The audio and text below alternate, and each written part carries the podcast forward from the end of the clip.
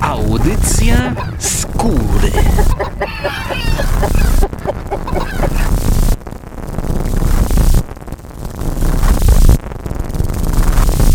Witam wszystkich w konglomeracie podcastowym w kolejnej eksperymentalnej recenzji.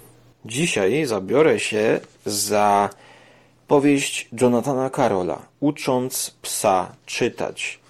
Choć nie do końca jest to powieść, bo licząca 90 stron nowelka, wydana oczywiście przez Rebis w 2015 roku w Polsce. I dlaczego będzie to recenzja eksperymentalna? Ano dlatego, że podobnie jak ci, którzy obudzili się z fascynujących snów, ja nie pamiętam tej książki, gdyż czytałem ją 3-4 miesiące temu. I będę recenzował teraz książkę, e, której e, zapomniałem o czym jest. Ale biorąc pod uwagę, że jest to książka Jonathana Carola, e, autora realizmu, znaczy autora tworzącego głównie taki no fantastykę, realizm magiczny, to myślę, że jest to przemyślany zabieg z mojej strony i mogą wyjść ciekawe efekty. Tym bardziej, że kiedy czytałem ten tekst, to miałem takie hmm, przemyślenia, że w wielu miejscach pokrywa się moim życiem. Widzę tutaj jakieś um, odniesienia, jakieś paralele, pa, pa, paralele. Nie dość, że zapomniałem książki, to tego słowa również zapomniałem, jak się wymawia poprawnie. Ucząc psa czytać, no jest to już jest to tytuł już zachęcający i właśnie Jonathan Carroll w swoich książkach ma takie chwytliwe tytuły, a także chwytliwe pierwsze strony. Ja pamiętam, że chyba Dziecko na niebie zaczyna się od rozmowy o kciukach. I to też chyba Philip K. Dick pisał gdzieś, albo właśnie Jonathan Carroll, ale oni e, obaj stosowali tę metodę, że pierwsze zdanie musi być takie trochę, wiecie, dziwaczne, takie zachęcające, wciągające, zaskakujące, łapiące za uwagę czytelnika. I w Dziecku na niebie była to rozmowa o kciukach, a facet myje kciuki i zaczyna się nagle zastanawiać nad kciukami, nad kształtem kciuków i, i właściwie czy kształt kciuka ma wpływ na nasze życie? E, bardzo ciekawa książka Dziecko na niebie. E, właśnie też taka z pogranicza jawy i snu. No i właśnie tak jak tutaj. E, no to może um, tak jak sen, który zapisaliśmy sobie w środku nocy, spróbuję sobie przypomnieć teraz, o czym jest ta książka, czytając tył okładki. Najpierw pojawił się zegarek na rękę za 9000 dolarów. Potem stalowo-szare Porsche wraz z dowodem rejestracyjnym wypisanym na jego nazwisko. Jakby tego było mało, Tony Ariel zdobył serce kobiety, o której śnił. Zdobył serce kobiety, o której śnił skrycie od wielu lat co sprawiło, że skromny urzędnik, będący pośmiewiskiem kolegów z pracy, stał się z dnia na dzień wybrańcem losu.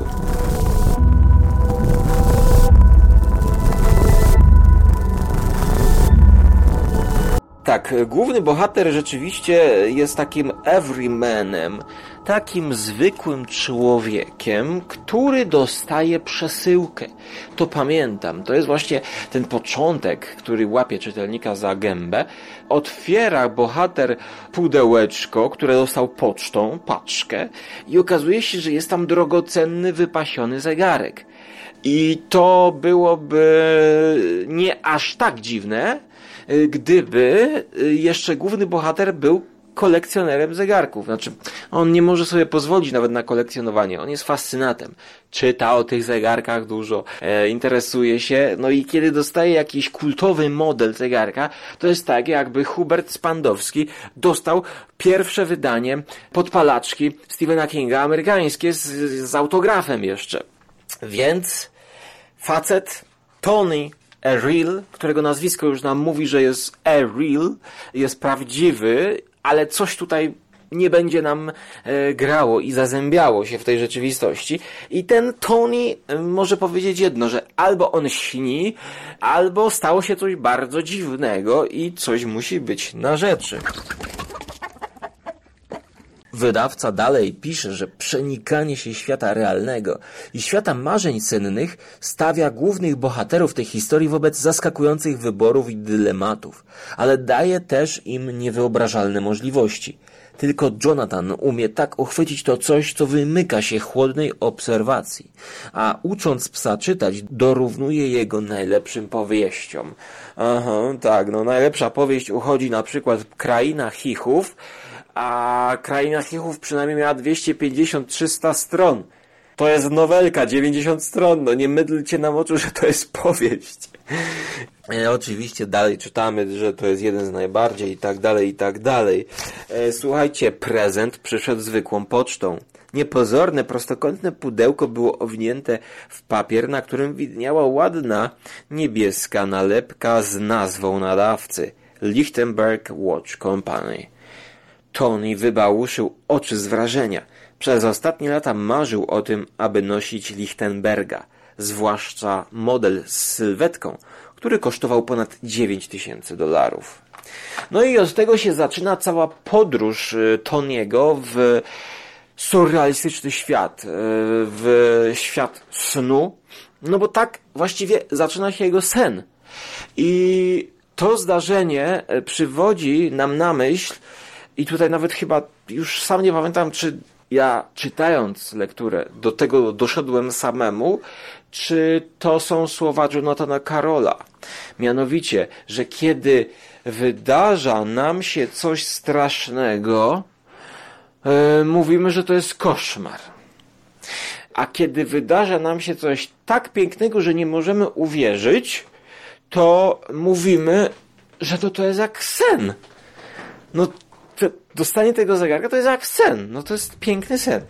I, i będąc konsekwentny temu tokowi myślenia, to no, cały czas e, śnimy.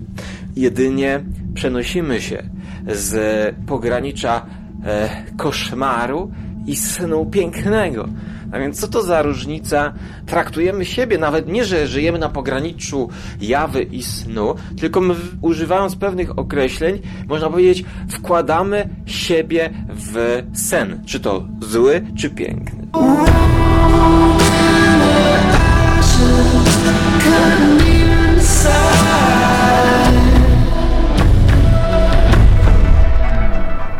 No i główny bohater zostaje właśnie wrzucony w taki sen. Ale czy jest to sen metaforyczny?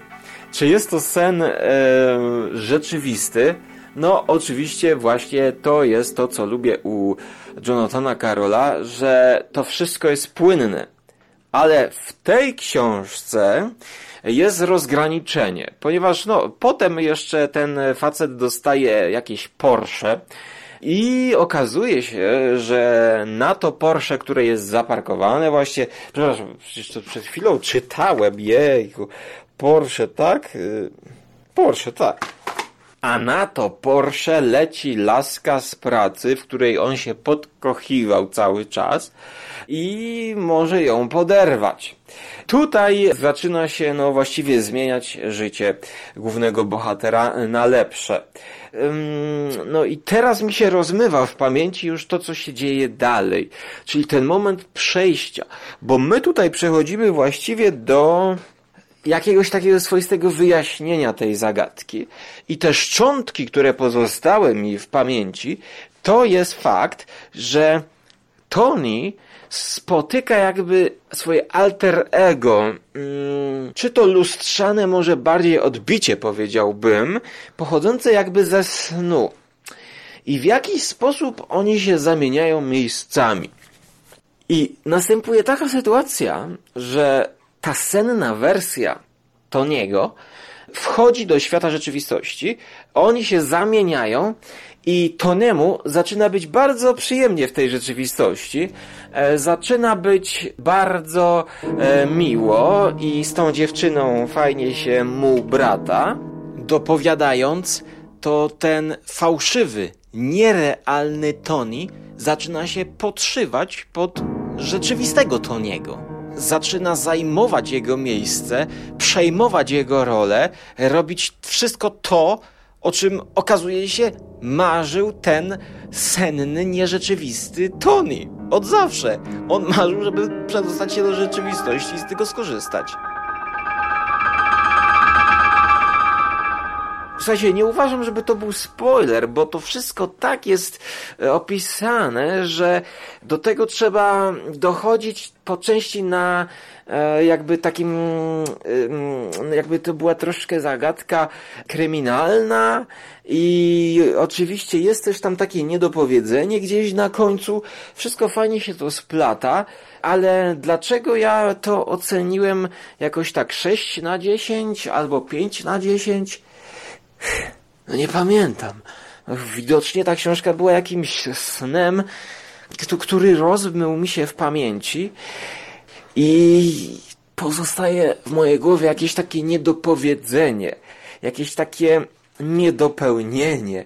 To jest tak, jakbym śnił o jakiejś pięknej aktorce, nie wiem, dajmy na to Natalie Portman i Sen skończył się w momencie, kiedy ja już do niej miałem podejść, przywitać się, zagadać, a może nawet przytulić, pocałować Natalii Portman i budzę się i mam jakiś niedosyt. Coś tutaj było w tej powieści niedopełnione, niedokończone, niedopisane. Jakiś taki, nie wiem, może za krótka była, może nie chcę powiedzieć, że gdyby to było wydane w formie zbiorku opowiadań, tak jak tutaj e, Hubert wiele razy narzeka, że jakby jakieś tam opowiadanie Stevena zostało wydane w, w zbiorze, to inaczej byśmy to traktowali. Ja zupełnie nie mam takiego podejścia.